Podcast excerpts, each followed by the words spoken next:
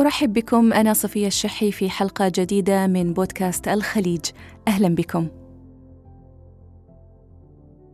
إن التحول السريع في توزيع السكان بين المناطق المختلفة مصحوبا بتزايد في استخدام وسائل التواصل والاتصال الحديث يسهم كثيرا في تعزيز التحولات الاجتماعية والاقتصادية للمدن حول العالم.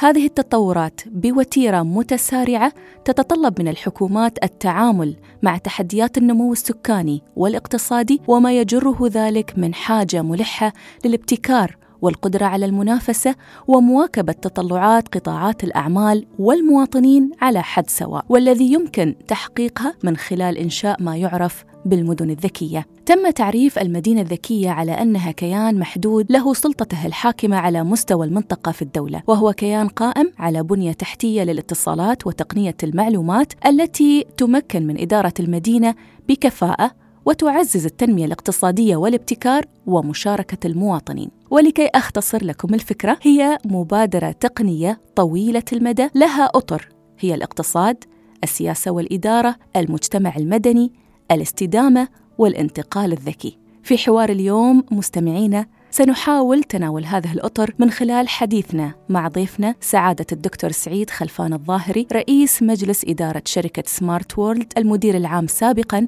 لهيئة الإمارات للهوية. سعادة الدكتور أهلا بك. أهلا وسهلا. دكتور دائما وقبل سنوات كنا نسمع بهذا المصطلح مصطلح المدن الذكية هنا في دولة الإمارات. يا ترى كيف يعني بدأ تطبيق الفكرة في الدولة؟ المدن الذكية يرجع تاريخها يمكن إلى 2013 وهي طبعا فكرة تبنتها في البداية الشركات التقنية مثل شركة IBM. فالمصطلح يعني ظهر من شركة IBM في 2013 طبعا أنا اعتبره هذا انتقال تدريجي من الحكومة الإلكترونية إلى الحكومة الذكية إلى المدن الذكية. طبعا في البداية بدأت يعني مبادرات الحكومة الإلكترونية على مستوى العالم. كذلك بعدها يعني بعد الحكومة الإلكترونية انتقلنا إلى يعني طبعا الحكومة الإلكترونية بنتكلم عنها تقريبا كانت بداياتها في 2000 واستمرت مرحلة وهي في الحقيقة يعني رحلة يعني ما لا تنتهي لأن دائما في تحديث ودائما في تطور في التقنيات ودائما يصاحبه اللي هو نحن نسميه continuous improvement يعني التطور المستمر, التطور المستمر نعم.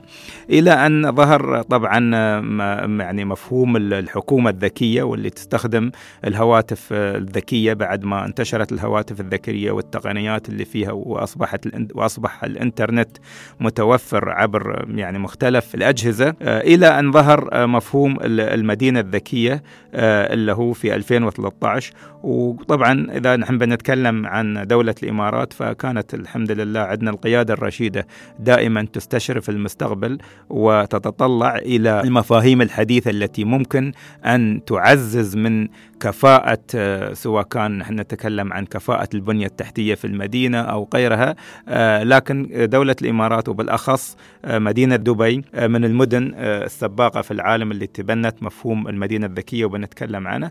لكن كذلك يعني هناك نرى أن موجهات إلى المدينة الذكية. يعني لو نتكلم عن الموجهات يمكن أنت ذكرتي صفية في مستهل حديثك التوجهات العالمية والتغيرات الديمغرافية اللي حاصلة على مستوى العالم. نرى أن يعني في تقرير الأمم المتحدة للتغيرات اللي تحدث في المجتمع أن 75% من البشر اليوم أصبحوا يعيشون في المدن الكبيرة اللي نسميها ال mega cities. وبالتالي هذا يفرض تحديات أخرى على على المدن. كيف أنها هذه المدن تستطيع أن تعمل بكفاءة وتكون في نفس الوقت مدن مستدامة. فإذا واحد من الموجهات اللي هو حول التحول للمدن الذكية عملية التحضر أو الإربنايزيشن اللي نشوفها حاصلة في المدن الكبيرة والمتمثلة في زيادة التكتل السكاني في المدن وما يصاحبه من ازدحام في المواصلات وتلويث للبيئة وزيادة الضغط على البنى التحتية للمدن من طرق ومواصلات وجسور ومواقف وغيرها هذا يتحتم على المدن أنها تجد حلول إلى إلى إلى هذه التحديات. هذا واحد. آه كذلك هناك نلاحظ اهتمام عالمي طبعا بالاستدامة من خلال اللي هي ال global sustainable goals الأهداف التنمية المستدامة واللي ركزت يمكن في الهدف رقم 11 على تطبيق مبادرات مثل مبادرة المدن الذكية لي يعني إيجاد حلول آه اللي هي من شأنها أنها ممكن آه تساهم في الاستدامة سواء كانت في استدامة البنى من طرق وجسور وغيرها أو في الموارد الطبيعية في في المدينة كذلك من ناحية تخفيض معدلات الانبعاثات الكربونية وكذلك نرى أن توقعات المواطنين والسكان اليوم جالسة تختلف عن السابق بمعنى. المواطن والسكان وال وال والجمهور يريد أن يشارك يريد خدمات تكون سهلة الوصول لها يريد يعني يصل إلى الخدمات عن طريق الموبايل يريد أن يكون له رأي في حتى في طريقة تقديم الخدمات اللي تقدمها الحكومة. فنرى أن هذه التوقعات يعني في ازدياد. التطور اللي حاصل كذلك اليوم في التقنيات اللي يعني سواء كنا نحن نتكلم عن الإنترنت والتطورات اللي حاصلة فيها أو التقنيات الأخرى مثل الهواتف الذكية. اليوم أصبح الهاتف الذكي يعني أداة لا يمكن الاستغناء عنها سواء كان للحصول على المعلومات أو للوصول للخدمات. بالإضافة طبعا للتقنيات الأخرى اللي تساهم بشكل فاعل في مبادرات المدينة الذكية مثل إنترنت الأشياء اللي هي ربط الموارد اللي موجودة في المدينة عن طريق مجسات أو حساسات ممكن قراءة سواء كان درجة الحرارة أو عوامل أخرى وممكن مراقبة ال infrastructure هذه والتنبؤ متى بحاجة إلى صيانة متى بحاجة إلى يعني تحديث. فهذه التقنيات وطبعا تحليل اللي هو اللي هو ال big data analytics اللي نسميها عملية تقنيات البيانات الضخمة وتحليل البيانات. أفرزت اليوم أصبحت هذه من التقنيات الأساسية المستخدمة في مبادرات المدن الذكية. دكتور سعيد بذكرك كل ما سبق من معطيات مختلفة من تحديات قادت إلى مثل هذه الحلول الذكية والمتطورة على أصعدة مختلفة.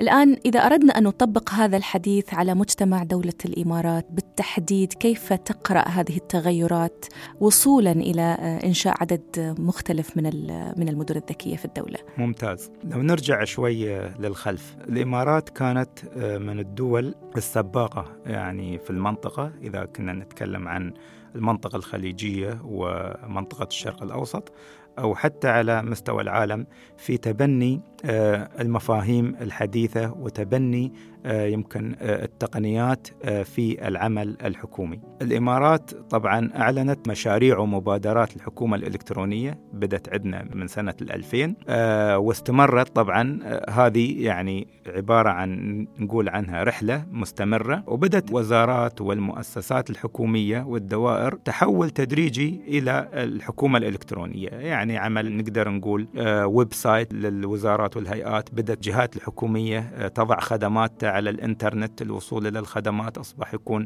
عن طريق الإنترنت. إلى ما دخلنا آه تقريبا عصر جديد نقول أو حقبة جديدة من خلال انتشار الهواتف الذكية والتقنيات اللي يعني مدعومة في الهواتف الذكية أدى إلى اللي هو انتقال للمرحلة الثانية اللي هي نسميها الحكومة الذكية. وأصبحت كذلك هذه الجهات الحكومية بدأت تنتقل بخدماتها إلى توفرها عن طريق الهاتف، ليش الهاتف؟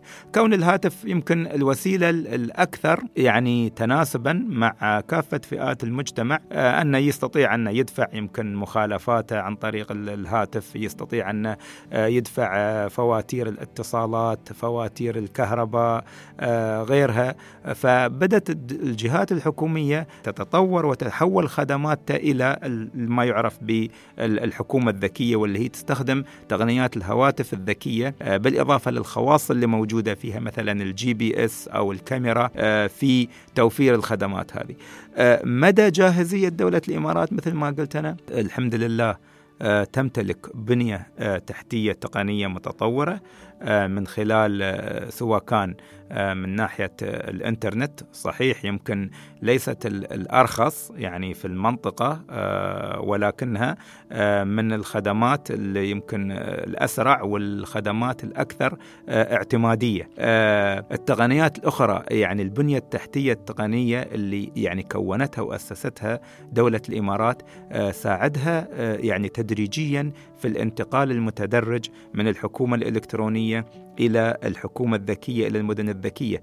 ليس هذا فقط بل كذلك طبعا جاهزية الناس نحن اليوم نتكلم أن طيب ممكن يكون في تقنيات موجودة يمكن الحكومة بدأت ووضعت خدماتها هل الناس جاهزين يستخدمون هذه الخدمات يعني مدى تقبلهم أيضا مدى هم تقبل لهذه الخدمات نعم. وسلاسة استخدامها يعني واستخدام هذه الخدمات بشكل يومي ومستمر يعني في في حياتهم أيضا صحيح. هذا الأمر يلعب دور صحيح. دكتور حضرتك ذكرت حتى موضوع الأسعار يعني هل نعم. الأسعار والسرعة أيضا تلعب دور في في نجاح هذه العملية؟ آه إذا نتكلم عن أسعار الإنترنت طبعا تلعب دور من ناحية أن التوفير أو الوصول للخدمة، إذا كان الوصول من للخدمة متاح إلى كافة فئات وشرائح المجتمع.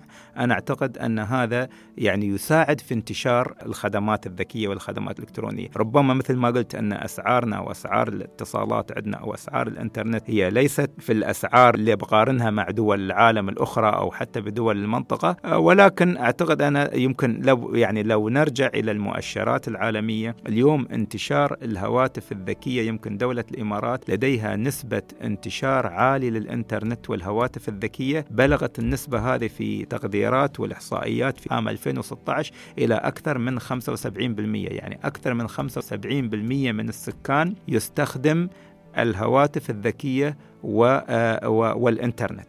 فإذا هناك بنية تحتية متطورة هناك انتشار وكذلك أنا يمكن أعول على الثقافة وعلى التعلم يعني قابلية الناس أنها تواكب التغيرات هذه. الحمد لله نحن عندنا في دولة الإمارات سكان أكثر من الجيل يعني نقول عنه جيل الشباب جيل الألفية. والجيل الألفية نعم. ما عنده مشكلة أن يواكب التطورات ما عنده مشكلة أن في تعلم الذاتي آه، في استخدام التقنيات هذه. حتى الفئات الكبيرة يعني عندنا نقول عنها يمكن الشواب أو غيرهم يعني الحمد لله عندهم عندنا قابلية. مبادرات عندنا أن كيف نصل إلى الفئة هذه ويعني نعلمها وندربها على استخدام مثل هذه التقنيات طيب الآن نحن ذكرنا مزود الخدمة نعم. ولكن بذكرنا المسألة القابلية عند الأفراد نفسهم لابد أن يعني نتطرق إلى جهات أخرى هي شريكة في هذه العملية عملية الانتقال.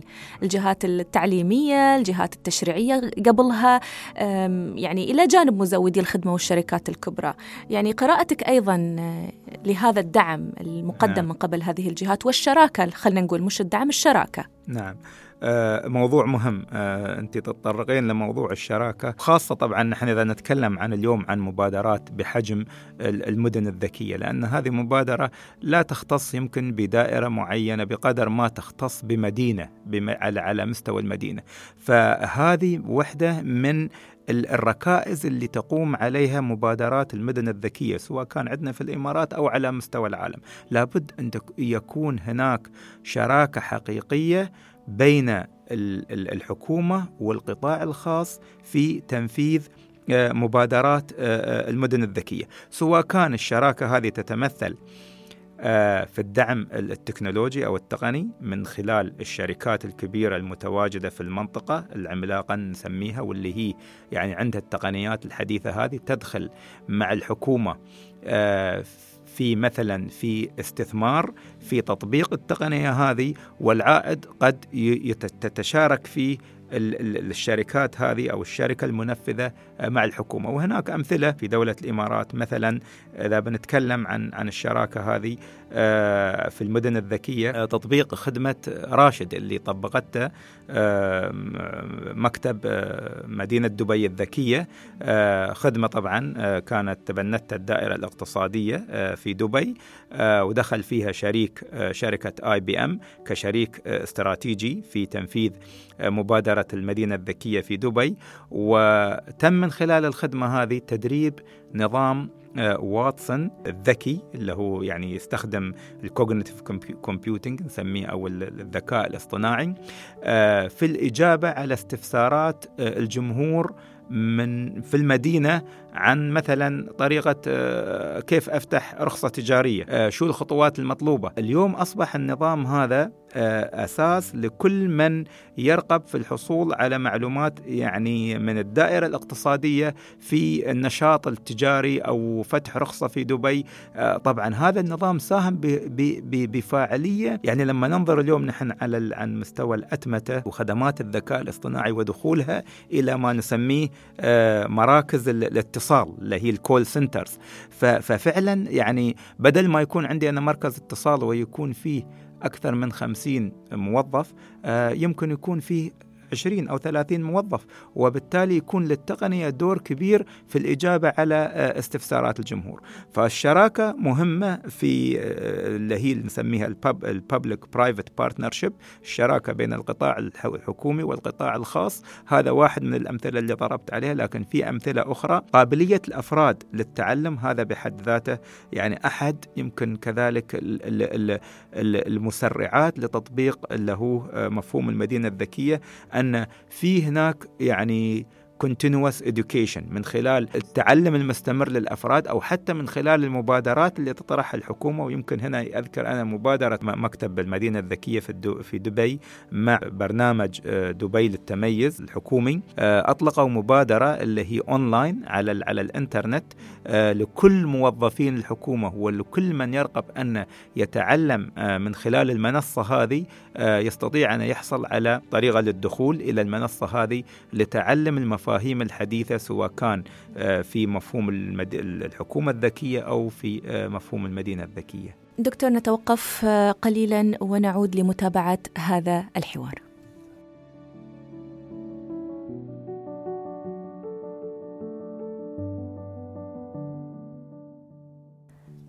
أهلا بعودتكم من جديد في بودكاست الخليج وهذه الحلقة بعنوان المدن الذكية شرايين إلكترونية بوجود الدكتور سعيد خلفان الظاهري رئيس مجلس إدارة شركة سمارت وورلد أهلا بك مرة أخرى دكتور. مرحبا. آه، سعادتك كنت تتحدث وتشير آه، إلى بعض النماذج الناجحة آه، كما تفضلت في دولة الإمارات لتطبيق مفهوم أو للتطبيق الأكثر نموذجية لنقل لمفهوم المدن الذكية. وأود التوقف عند تجربة سعادتك في سمارت آه، بالتحديد هذه الشركة وما الذي أيضا تقدمه آه، بدورها في هذا الصدد؟ آه، شركة سمارت وورلد هي شركة قائمة على تعاون أو تحالف بين شريكين استراتيجيين في الدولة. آه، تملك آه، تملك منها اتصالات 50% وحكومة دبي متمثلة في دبي الجنوب دبي ساوث آه، تملك فيها 50% تأسست في 2008 كشركة تعمل في مجال تقنية المعلومات والاتصالات. طبعا الشركة تطورت والحمد لله نحن اليوم يعني نفتخر يمكن بكون الشركة الوطنية الأكبر اللي موجودة عندنا في دولة الإمارات في موضوع تجهيز البنى التحتية التقنية آه، الكبيرة سواء كان على مستوى المؤسسات أو حتى على مستوى المدينة. ويمكن أخيرا أشير إلى الحمد لله الاتفاق اللي تم. Smart World راح تجهز البنية التحتية التقنية من ناحية ال networking ومن ناحية الإنترنت إلى إكسبو 2020 في في دبي.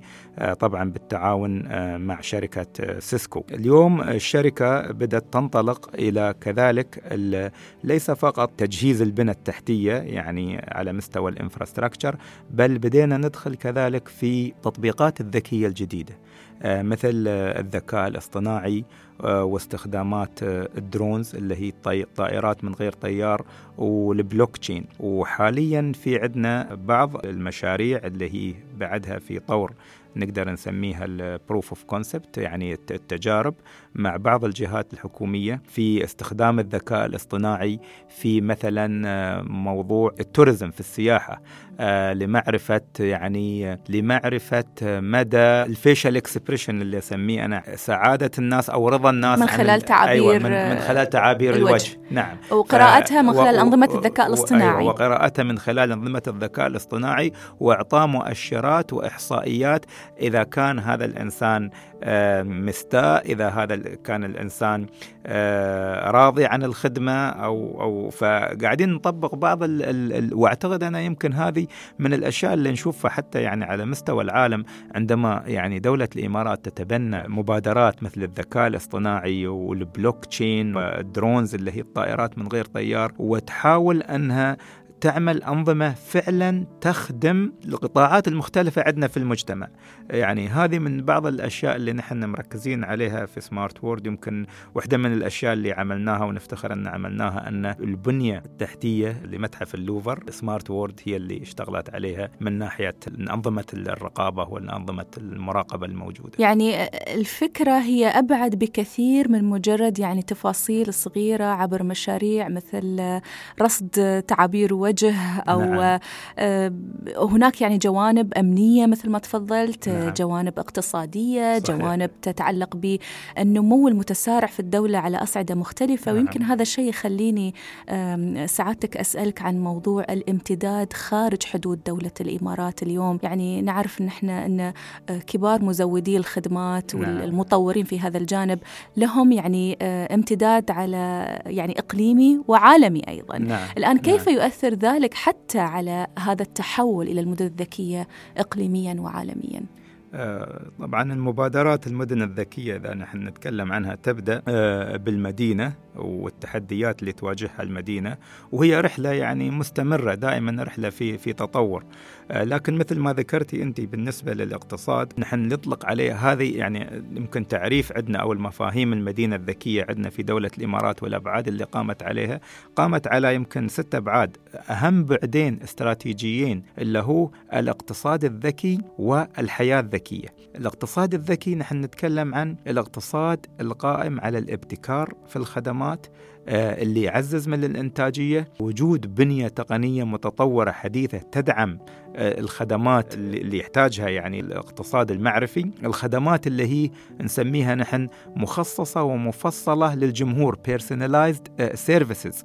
أعتقد أن هذه يعني من من الأهمية في أي مشاريع للمدن الذكية أن يكون اقتصاد المدن هذه أو الاقتصاد اللي اللي تعمل فيه المدينة هو اقتصاد ذكي. يبدأ من داخل المدينة آه، يتطرق إلى استثمار بين القطاع الحكومي والقطاع الخاص من خلال آه، الشراكات اللي هي ال public private partnership ويمكن كذلك أن يخرج يعني كتجارب ممكن تستفيد منها آه، المدن العالمية الثانية. نحن في الحقيقة اليوم نفتخر أن اليوم دبي أو يعني من خلال آه، مكتب مدينة دبي الذكية أن يقود تحالف عالمي من خلال آه، سعادة الدكتورة عائشة بطي بن بشر اللي هي تقود global initiatives أو يعني نقول مبادرة آه، دولية للمدن الذكية وهي تترأس المبادرة هذه. وصلنا من تطور ما أقول أن نحن وصلنا للنهاية ولكن أعتقد أن نحن وصلنا لمرحلة متقدمة بالعكس يمكن بحاجة كذلك لبذل المزيد لكن من بعد إطلاق مبادرة المدينة الذكية عندنا في دبي واللي بدأت يعني بإعلان صاحب السمو الشيخ محمد بن راشد حفظه الله نائب رئيس الدولة رئيس مجلس الوزراء حاكم دبي عن مبادرة المدينة الذكية. كان في يعني أواخر 2014 يعني بداية 2015 وقطعنا شوط كبير في التحول إلى إلى إلى المدينة الذكية. هذا الشيء خليني أسألك سعادتك يعني نحن الآن بما أننا حتى في التصنيفات العالمية يعني قادرين على المنافسة يعني وفق المعايير العالمية.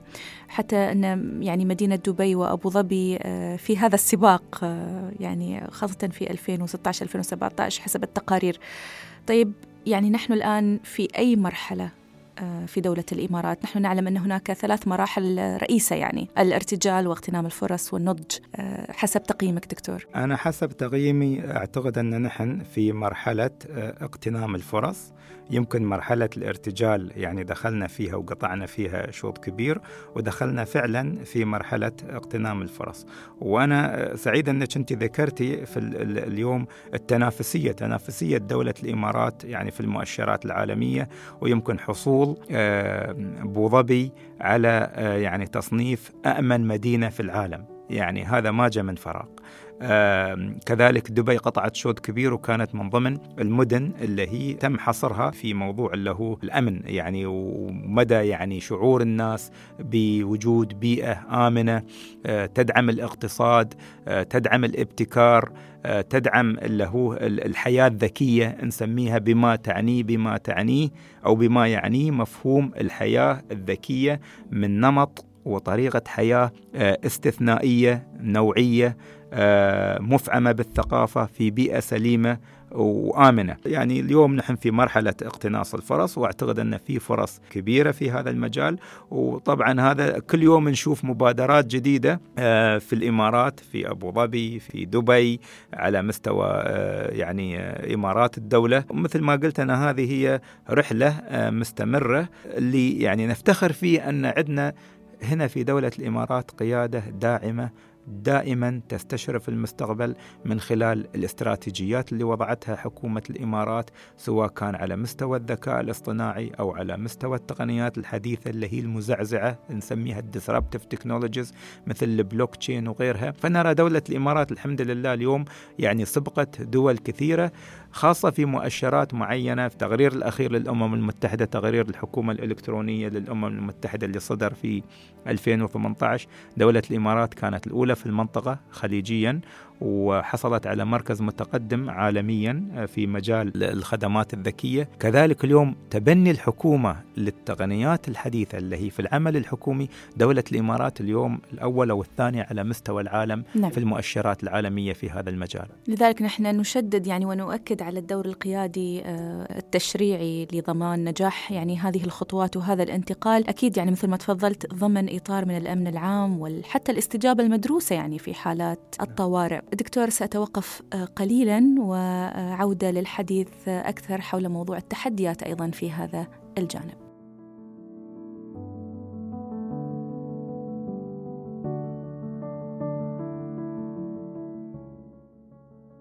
أهلا بعودتكم في هذه الحلقة من بودكاست الخليج وموضوع المدن الذكية شرايين إلكترونية بحضرة سعادة الدكتور سعيد خلفان الظاهري رئيس مجلس إدارة شركة سمارت وورلد آه، دكتور كنا آه، نتحدث عن آه، الأدوار القيادية السياسية والتشريعية لضمان نجاح هذا الانتقال عفوا بشكل سلس ذو نتائج تضيف الكثير من الأثر الإيجابي في حياتنا كبشر. في بداية حديثك كنت تتحدث عن التحديات اللي دفعتنا كبشر للتفكير بهذا الموضوع. طيب ماذا عن التحديات التي أفرزها هذا الانتقال. جميل، نمط التغير السريع اللي اليوم يعني يشهده العالم والتطور السريع في التقنيات المتسارعة هذه يعني يفرز تحديات يعني مش على الإمارات يمكن على مختلف الدول. ونحن اليوم يعني داخلين على حقبة جديدة اللي هي يعني ما نسميها الثورة الصناعية الرابعة التقنيات المزعزعة في أنماط العمل في طريقة تقديم الخدمات في طريقة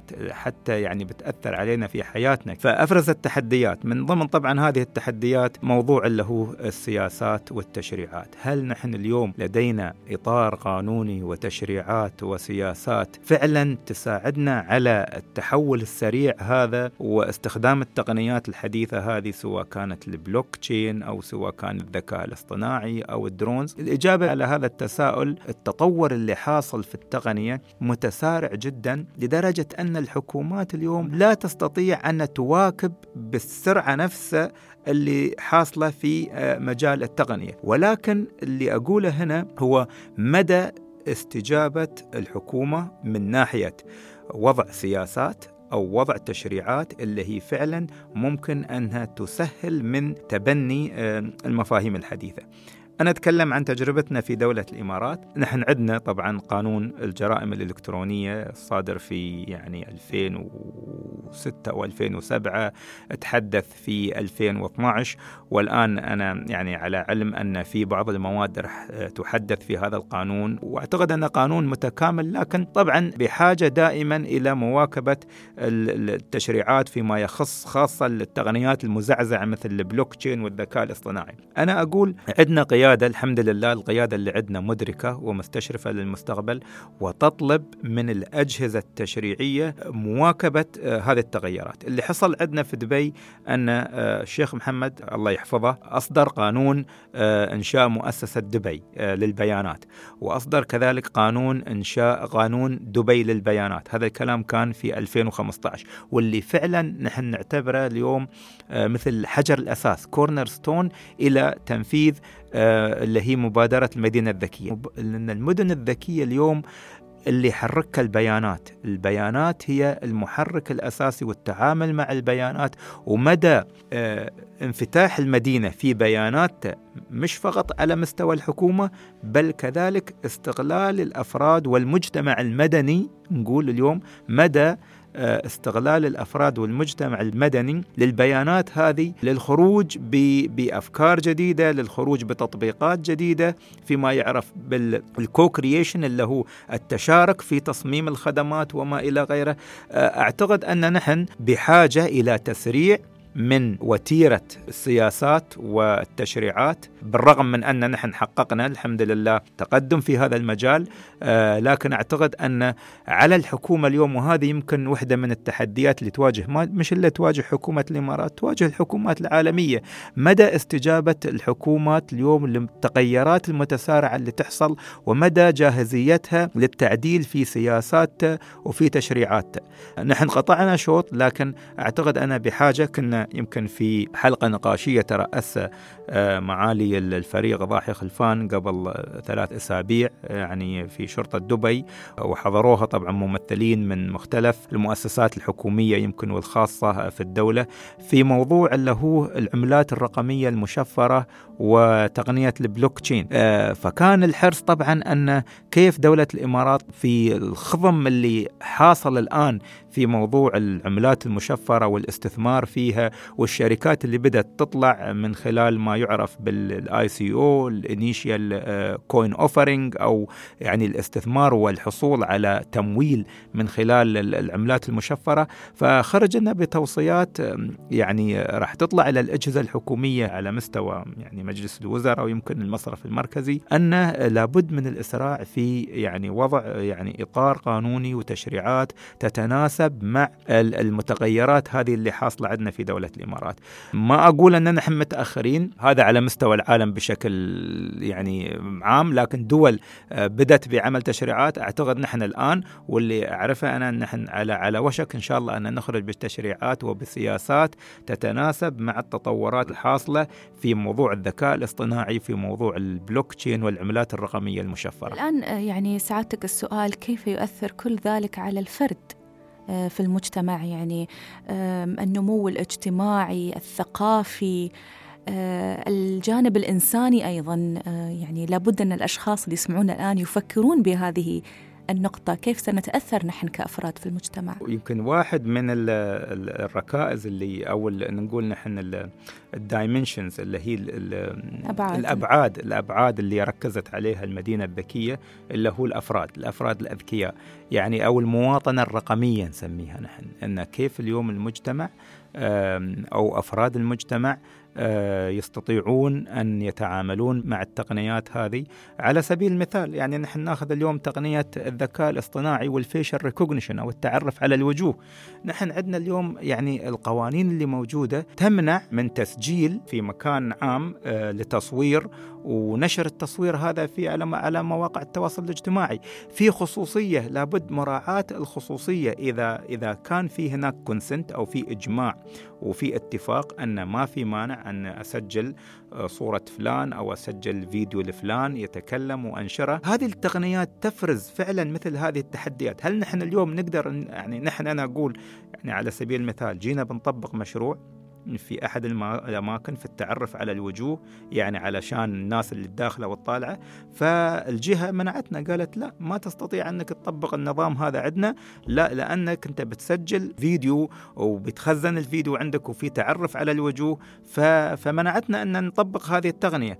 فلذلك أنا أقول لابد فعلا لابد نحن بحاجة اليوم إلى وجود توضيح ووجود إطار قانوني لمثل هذه التقنيات بحيث انه يكون فعلا في نوع من الادابتيشن أو الدوبشن اللي هو التبني. نعم. وفي نفس الوقت في ظل إطار تشريعي يوضح العلاقة ويوضح استخدام للتقنيات هذا وإلا بنجد أن الناس في بعض الأوقات يعني راح يكون عندها نوع من التحفظ آه، أو أنها في عدم وجود إطار قانوني ممكن أن تدخل لأن ليس هناك قانون ما فوضى. يمنع مثل مثل فوضى بالتأكيد مثل اللي حاصل في في الاستثمار في العملات الرقمية المشفرة يعني الناس ممكن حتى تستطيع أن تستثمر مباشرة من غير يعني الحاجة لوجود مثل المحفظات أو الاكسشينجز هذه اللي هي نسميها نحن منصات موجودة في عندنا في الدولة. فوجود وجود الإطار التشريعي أنا أعتقد راح يوضح يعني العلاقة هذه وراح كذلك يعطي نوع من الاطمئنان للناس أن تدخل في وتستخدم هذه هذه التقنيات. وإلا يبقى الموضوع آه، على آه، مستوى الشخصي آه، وعلى مستوى الفرد نفسه. okay أنا أقدر أسوي الشيء هذا أو أقدر. لكن نحن أنا بعد هني يعني ما أترك الموضوع مبهم لهذه الدرجة. أعتقد في الحاجة اللي نسميها نحن ال common sense اللي هو الإدراك الحسي عند الفرد. هل الشيء اللي بيسويه يحس فيه نوع قد يكون فيه نوع من المخالفة؟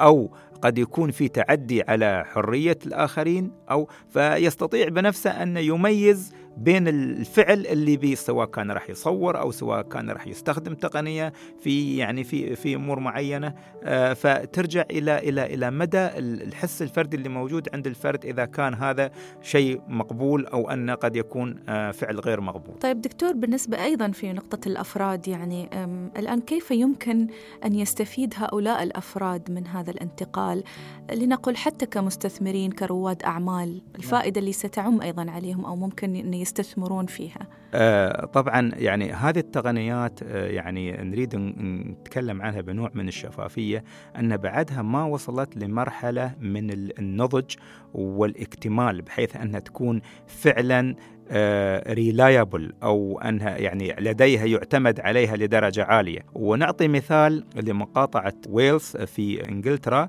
أن بدأوا يستخدمون تقنيات الذكاء الاصطناعي في ال facial recognition على مستوى آه، الشرطة في التعرف على ال suspect التعرف على المشبوهين.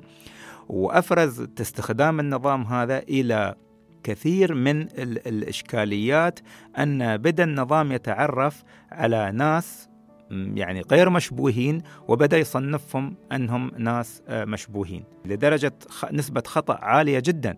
وبدأت الشرطة يعني فعلا في في في خاصة في التجمعات بدأ النظام يعطي معلومات يعني غير دقيقة. فبالتالي نحن كذلك ما أقول ما نستعجل في تبني تقنيات لكن اللي أقوله هنا لابد من دراسة الإمباكت ومدى الأثر من استخدام هذه التقنيات في بعض العمليات والبحث عن فعلا عن تقنيات ناضجة فعلا أن تؤدي الغرض بأقل يمكن نقدر نقول إذا كان لها أضرار أو إذا كان لها سلبيات آه، محاولة الحد من السلبيات هذه. خاصة يعني في مجالات الأمن والصحة يعني هالمجالين بالتحديد يعني وربما حتى الصناعات يعني صحيح صحيح. الادويه نحن يعني نحن اليوم نعيش يعني في عصر نحن نقول عنه أن الخوارزميات راح تبتدي تتحكم في حياتنا. كيف الخوارزميات؟ على على سبيل المثال ناخذ على في في الصحة.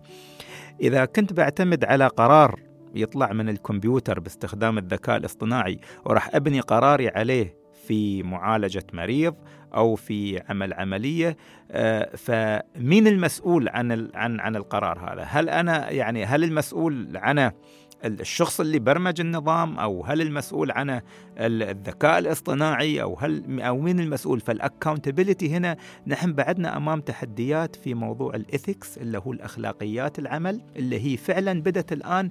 بدينا نشوفها أنا اللي أريد اقوله أن يمكن العالم جالس يدرس التحديات هذه والعالم قاعد يفكر أن okay طيب نحن كيف نقدر نقول أن نحط الاكونتبيلتي أو المسؤولية في الذكاء الاصطناعي؟